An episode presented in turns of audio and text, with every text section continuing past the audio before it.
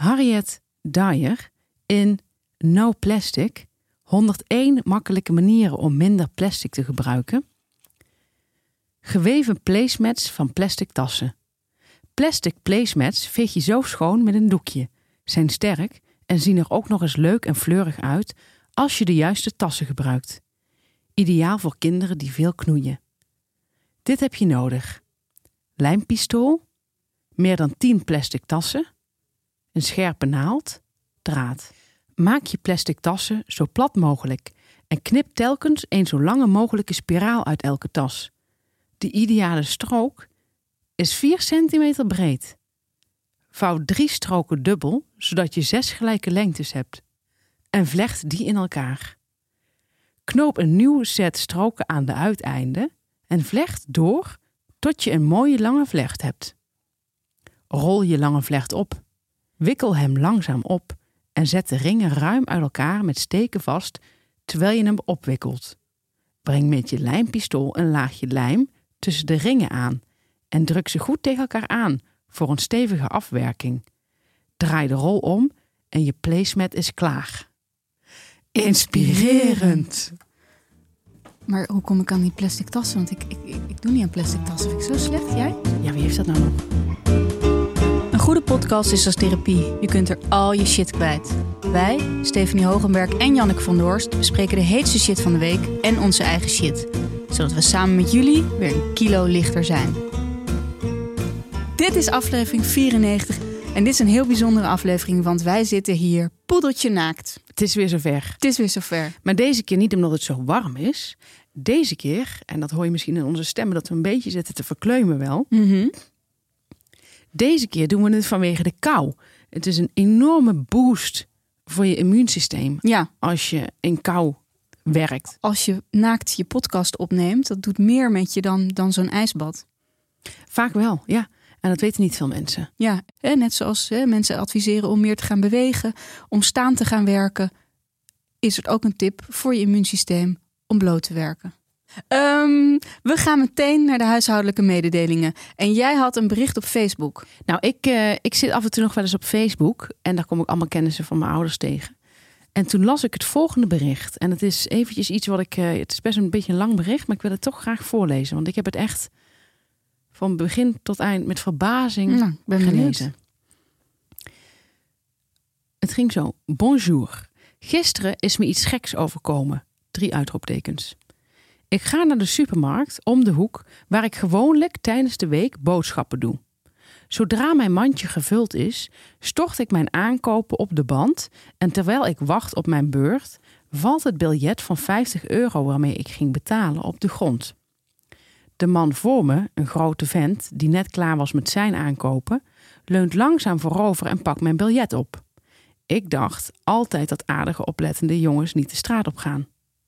Ik strek mijn hand uit terwijl ik me klaarmaak om hem te bedanken voor het gebaar. Maar plotseling komt er iets uit dat me sprakeloos maakte. Wat er op de vloer ligt is van degene die het vindt. En hij gaat zomaar weg, zonder haast, alsof hij niets verkeers heeft gedaan. Ik keek naar de dame achter me en de mensen om me heen die het tafereel hadden gezien. Ze gaven me allemaal een ongelofelijke blik, fluisterden dingen met elkaar. Ik had de beveiliging kunnen bellen, maar dat leek me zo gek dat ik het zelf wilde regelen. Ik liet mijn aankopen op de band liggen en volgde hem naar de parkeerplaats om mijn 50 euro terug te vragen. Ik realiseerde me dat twee klanten die bij me waren ook heel sterk leken. Dat stelde me gerust. Die andere idioot was echt een huis. Ik stond onder zijn neus en vroeg om mijn geld, maar hij keek me minachtend aan en deed alsof ik onzichtbaar was. Hij zette langzaam zijn twee grote tassen op de grond om de sleutel uit zijn zak te halen en de kofferbak te openen. En plots dacht ik: het is nu of nooit. Ik pakte beide tassen en zei: Wat er op de vloer ligt, is van degene die het vindt. En ik rende als een gek naar de winkel om daar te schuilen, tussen schrik en lachen. Ben best blij met mezelf eigenlijk. De klanten begonnen te juichen en vormden een veiligheidscordon om te voorkomen dat de slimmerik me zou achtervolgen. Hij heeft het zelfs niet geprobeerd. Te vernederend, denk ik. Hij verliet woedend de parkeerplaats en reed nog een paaltje omver. Ik voelde een adrenalinestoot, angst en nervositeit, maar toen moest ik huilen van het lachen. Toen ik thuis kwam, opende ik de zakken en vond 2 kilo verse grote garnalen, 1,4 kilo verse zalmfilet, des beaux morceaux de fromage à la coupe et de yaourt bio, volkorenbrood, twee pakjes verse tagliatelle, 2 kilo de pomme rouge bio, 1 kilo de poire Williams rouge, twee grote potten biologische honing, 1 fles wi- wijnazijn Percheron, 1 grote pot ouderwetse mosterd, 2 blokken boter van Eché, 1 fles Sancerre 2017 en een fles Brouilly, 1 bouillée de Pinot de Charente. Ik heb nog nooit zoveel aankopen gedaan met 50 euro. En nu ben ik thuis. Het is kwart voor tien. Ik drink een glas Sancerre onder het genot van een garnalencurry. Vraag me af, heb jij dit tot hier gelezen? Nou had ik dus, hè. Dat is mij natuurlijk niet overkomen. En ik heb het ook niet geschreven. Het is gewoon een campagne om het lezen te promoten. Lezen stimuleert de geest en de verbeelding. Brengt ons naar andere plaatsen en Ja, helpt klopt. zelfs met communiceren. Ik dacht wel, het leek een beetje op zo'n erotisch verhaal. Dat, waarvan je weet, waar er dan bij staat, dit is echt gebeurd. Dat denk jij dan weer. nou, dus dat is weer, dat onderschrijft weer wat wij altijd al die tijd zeggen. Ja, deze man, is een man? Er was een vrouw. Oh, deze vrouw verdient ook een eh boekenlintje. Ja, zeker weten. Ehm, Stef, ik wilde even weten, de vroegen mensen hoe het nou eigenlijk zat met onze schoonmakers. Ja. Ja, joh, wat een verhaal weer. Ja, God, ik heb een nieuwe. ja. Een Braziliaanse. Een vrouw. Dat is ook wel eens leuk, vind ik. Dat ook vrouwen schoonmaken. Ehm, ze is eh 40 euro per maand duurder Ja. dan mijn vorige. En ze doet de helft minder. Maar wat ben ik er blij mee. Ja.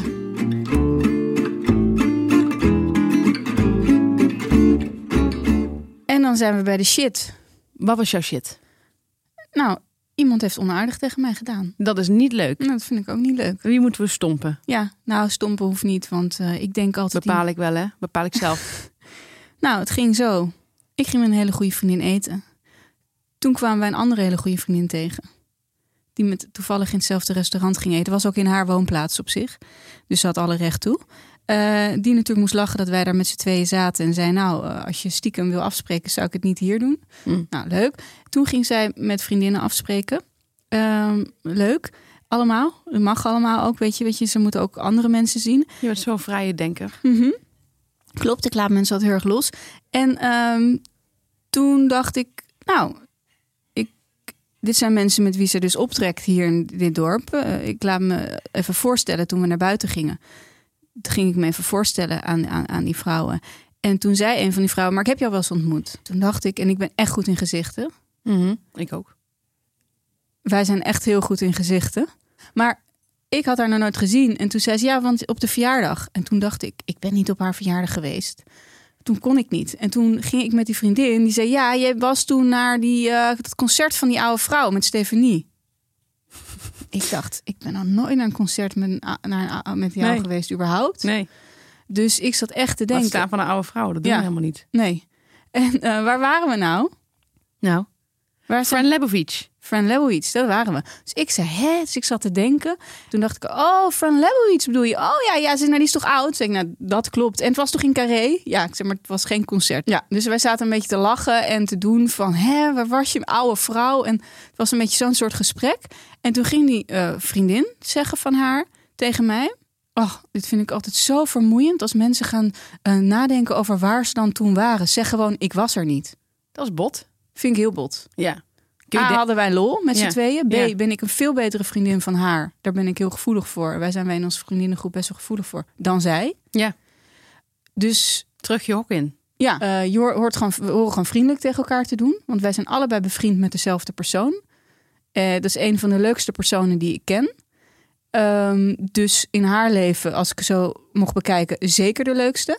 Ehm, dus ik zou daar maar eens eventjes wat vriendelijker tegen mij doen. Ja. Dan heb je een heel groot probleem. Dan heb je een heel groot probleem. Ik zie het ook aan je blik. Ehm, en ik vind het onaardig. En ik heb, ik heb dus een beetje een hekel. En we hebben het er wel eens over gehad. Aan mensen. En eh, het gebeurt vaker met vrouwen. Die dit doen. Want het slaat nergens op. Eigenlijk 99 van de 100 keer. Als ik vriendinnen ontmoet van een vriendin. Vinden we het leuk om elkaar te ontmoeten. Ja. Want dan zeg je. Oh wat leuk. Ik heb over je gehoord. En ik heb over jou gehoord. Ik ging mij voorstellen, ze was al twee keer langs mij gelopen. Want ik zat met het tafeltje naast de wc. Toen dacht ik al, zou ze even hallo zeggen. Maar ze keek ons niet aan, terwijl ze wist dat wij daar zaten. Kan onzekerheid zijn, kan verlegenheid zijn, kan allemaal. Ik ging me uiteindelijk voorstellen en krijg ik dit als reactie. En daar hou ik niet van. Het zijn van die vrouwen die denken dat het eh, wat zeg maar, eh, ze hebben dan een beetje zo zitten observeren met hun, eh, met hun zelfhulpbrein. Ja. En gedacht van, oh mannen, die zeiken elkaar een beetje af. En dan denken ze dat het grappig is om dat als vrouw over te nemen. En dan slaat het door in uh, bitchiness. Ja. en, en, dat, en dat komt ook omdat vrouwen andere codes hebben. En dat willen sommige mensen niet begrijpen. Dus ik had ook een tijd lang een vriendin. Dat was een vriendin, daar ben ik op een gegeven moment mee gestopt. Veel te laat mee gestopt. Die ging mij ook altijd afzeiken. Dus dan gingen we samen bootcampen. En dan ging ze mij afzeiken tegenover mannen. Ehm, maar dat was altijd net iets te hard. Want dan vond ik het eigenlijk al niet leuk. Maar dan deed ik alsof ik het niet erg vond. En dan vertelde ik het later na. Mensen zeiden van, wow, dat is echt heftig als iemand dat zegt. Ik weet niet of dit voor haar geldt. Ik heb haar maar heel kort ontmoet. Ik weet niet wat er aan de hand was. Misschien had ze, was er iets met haar. Maar over het algemeen, mensen die dit dus vaker doen. En ik weet dus niet of dit voor haar geldt. Maar mensen die dit vaker doen, vrouwen die vooral dit vaker doen, denken dan vaak. Ik hou niet van dit vrouwengedoe. Dat je dan een uur een beetje gaat zitten uh, bedenken waar je dan was. Dat vind ik echt zonde van mijn tijd. Um, ik ben niet zo'n soort vrouw. Ik ben meer een soort mannelijke vrouw. Maar door zo'n opmerking te maken ben je een meer vrouw dan je dan blijkbaar wil zijn. Want dat zijn, dan word je onwijs bitchy en alles waarvan mannen denken hoe vrouwen juist in elkaar zitten. Ja, ik ken ook Dus je iemand... probeert iets te zijn, maar je bent juist zo'n wijf. Ja. Ja, ik heb dat ook met uh, vrouwen meegemaakt. Die zeiden dan van, uh, nee, dat sorry, dat vind ik, nee, sorry, dat vind ik echt vrouwengezeik. Nee, sorry. Over iets waarvan ik denk, nou, dat vind ik nou echt niet echt vrouwengezeik. Dan ik bijvoorbeeld, uh, weet ik veel, er was een vriendin die was boos op ons allebei. En dat snapte ik wel. En dan zei ze, nee, sorry, vind ik echt vrouwengezeik. En ik heb nog nooit zo'n vrouwengezeik gehad als met deze vrouw, weet je wel. Het zijn altijd, het, het, ja. er zit al iets slangerigs in. Er zit al iets uh, bijtends in. Ja. En iets, iets niet fijns. Ik had een keer op vakantie, toen zei een moeder over haar dochter... Die, zei, die was aan het voetballen met allemaal jongens. En die zei, ja, het is voor haar beter om met allemaal jongens te spelen. Want zij houdt niet zo van dat meisjesgedoe. Vals was zij. Vals was dat meisje. Die was alleen maar ruzie met al die meiden aan het maken. Ja, het is sowieso niet zo slim om als vrouw je een beetje te distancieren van andere vrouwen. Nee. Dat zijn toch vaak uh, vrouwen die heel erg tuttig zijn. Die daar geen goed uh, kompas in hebben. Ja. Ik had ook een bazin uh, bij een reclamebureau. Ontzettende troll. Echt een troll. Qua uiterlijk en qua innerlijk. En die zei dan van... ja, ik heb bijna geen vriendinnen, want ik kan, ik kan niet goed met vrouwen overweg. Dan denk je, nee, dat snap ik wel. Ja, doodeng. Ja. ja. Ja, en dat was mij overkomen en ik vond het niet leuk. Ja, nou goed punt Jan. Uh, vreselijk, vreselijke vrouwsoort. En dan hebben we weer, ze is van ver gekomen, onze taalkundige in de studio. Leuk dat je bent aangeschoven. Ook jij hebt je kleren uit. Stefanie Hogenberg, jij hebt weer een fenomeen. Dat klopt, dank jullie wel dat ik hier weer mag komen. Het is wel even wennen naakt. Ja. Um, Jullie stellen niet teleur. Mm. En uh, Stefanie, wat heb jij? Prachtig lichaam. Prachtig. Ja, Janneke ook. Maar Stefanie, wat heb jij een goed lichaam? Het is iemand die daar zelf heel bescheiden over is. En dat ja. mag wel eens een keer afgelopen zijn. Ja. Uh, ik heb een uh, taalkundig fenomeen geconstateerd. Het is al een tijdje gaande. Ik zeg zo'n anderhalf jaar. Ja. Het is denk ik uit corporale kringen afkomstig. Ja. Dat is even belangrijk om, om erbij te melden. En wat er, is, wat er gebeurt is, het, is een, uh, het, het gaat over een, een, een, een vraag en het gaat als volgt. Je zegt bijvoorbeeld, uh, ja, Tibbe en Marloes gaan een wereldreis maken. Ja. En dan zegt de ander, ja leuk toch? ken ja. je dat? Ja, ik ken dit. En dat is een heel irritant zinnetje. Ja, heel. Echt een krankzinnig kutzinnetje. En waarom is het nou zo ontzettend vervelend? Omdat je dan in de verdediging moet want het lijkt net alsof jij iets afgunstigs ja. zegt. Dat jij zegt van, ja, ze gaan weer op wereldreis. En dan zegt die ander, ja, leuk toch? Maar het gaat ook, het gaat ook over kleinere dingen. Dus dit, hier voel je dan dat je zegt van, ja, dat bedoel ik ook. Het is ook leuk. Ja. Maar het is ook kleiner van, ja, uh, hij heeft altijd hele mooie kleren aan of zo. En dan zegt iemand, ja, leuk toch? Ja, ja, ja. Als het al echt niet anders op te vatten is. Ja, op geen het, enkele ja, manier. Het is al niet anders op te Ja. vatten. Ik bedoel dat positief. Of ik zeg van, eh, ja, ik ga volgende week op vakantie. Is toch lekker? Huh? Dat vind ik zo raar. Ja, denk ik, ja. raar. Maar ken je dat? raar. Ja, ik ken het is toch wel. lekker? Dan zeg ik, ja, maar waarom Maar- denk je dat ik het zeg? Dus het is ook Wat nog... doet dit, denk je, met, eh, met de conversatie? Het slaat helemaal dood. Het is als, als, als dood bier. Ja. Het is gewoon, het is zoiets vreemds. En het, is een, eh, het zijn voornamelijk mannen die het doen. En voornamelijk, ja, corporale mannen. Het is een heel oppervlakkige Ja, manier van een gesprek voeren. Standaard zinnetjes. Ja, lekker Soort- toch? Een Leuk soort toch? zelfhulpboekzinnetjes zijn het bijna. Want je moet iets positiefs terugzeggen. Ja.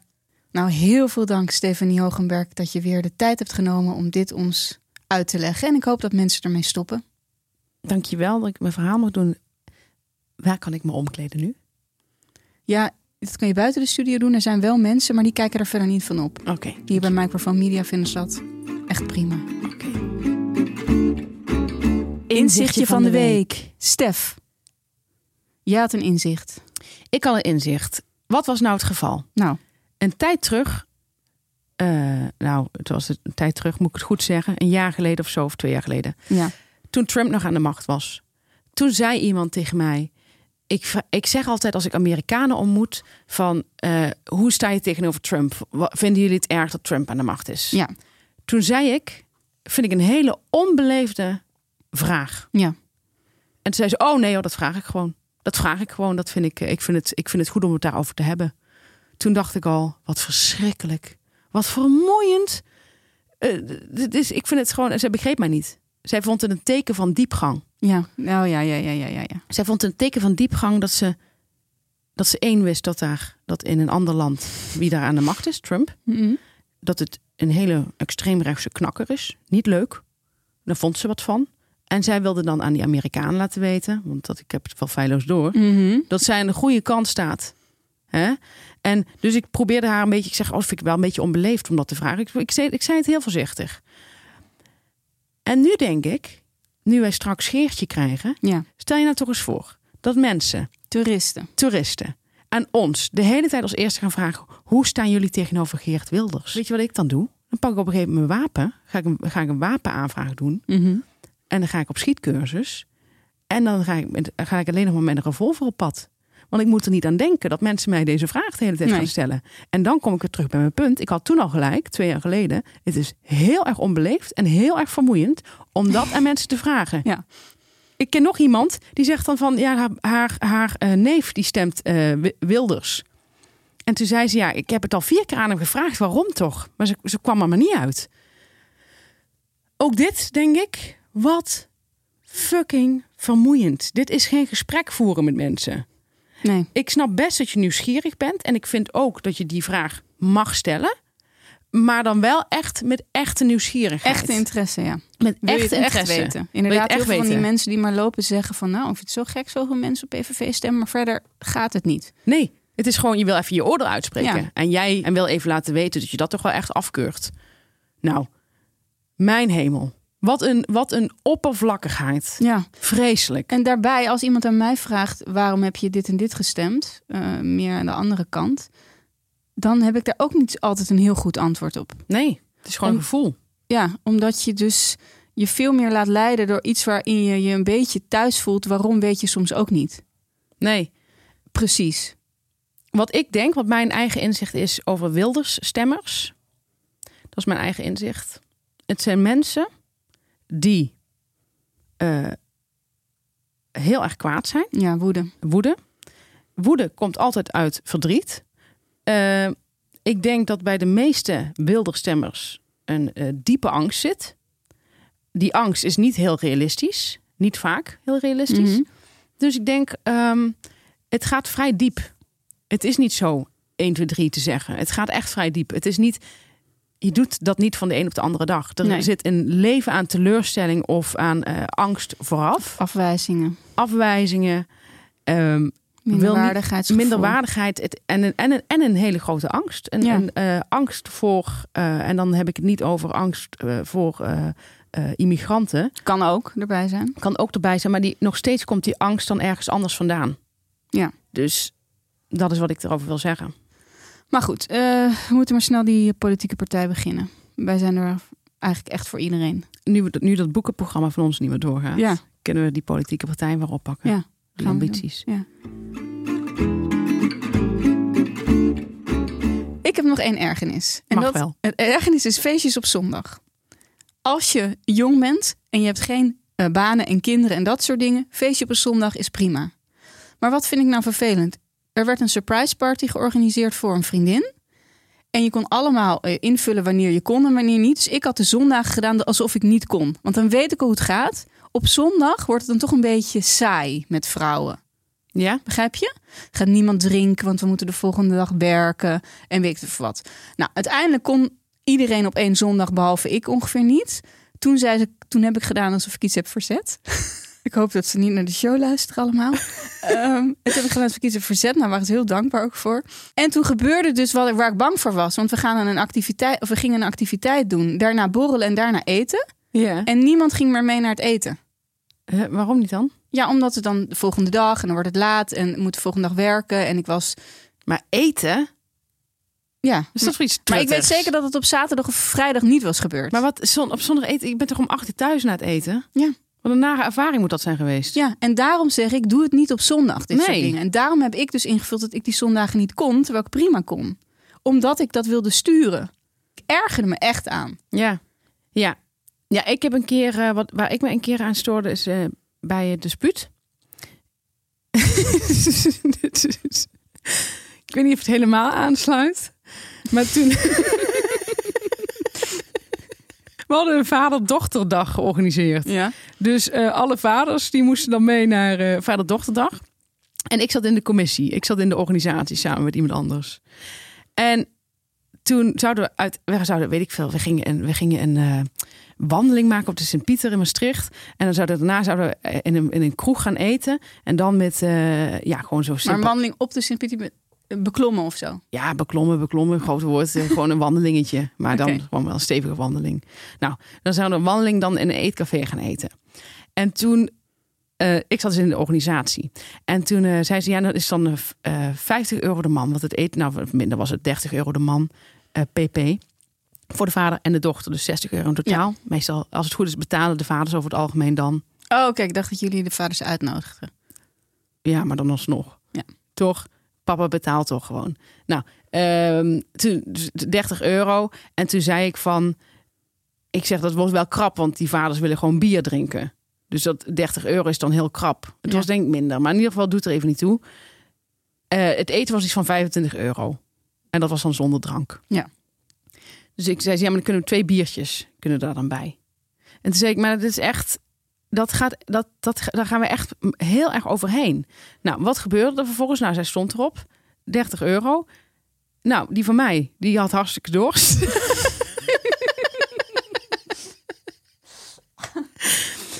Dus die zei van, ik wil nog een derde biertje. Ik zeg, ja, dat gaat niet, papa, want... We hebben maar voor 30 euro ingelegd. Toen zei hij, ja, wat is dat nou? Godverdomme, hij zat helemaal te vloeken naast mij. En eh, hij zegt, ja, dan betaal ik wel eh, die hele ronde. Maar had hij ook helemaal geen zin in. Hij zegt, godverdomme, hij zat alleen maar zo. Want hij wilde gewoon bier. Hij vindt Ja. het ook een beetje een tuttige activiteit ook nog. Eh, ja, je moet maar ook geluk hebben met de medevaders. Dus hij zei, ja, ik betaal dan wel. Dus hij heeft uiteindelijk iets van drie rondes betaald. Wat hem dan weer... Oh, ja, dat is ook veel. ja, ja, hij wilde gewoon echt bier drinken. Wat ik wel begreep. En niet een andere vader stond ervoor op om een keer een ronde te halen. Nee, daar was hij zich ook over een beklagen. Dat je zei van, eh, Nou die ja. andere vaders keken elke keer als ze open kwam net de andere kant uit. Oh jeetje. Ja, dus dat is nog een pijnpunt. Ja, Maar ik weet niet of hij hierop aansluit. sluit er volledig op aan. Maar ik vond in ieder het... geval misorganisatie. Ja. Daar gaat het over.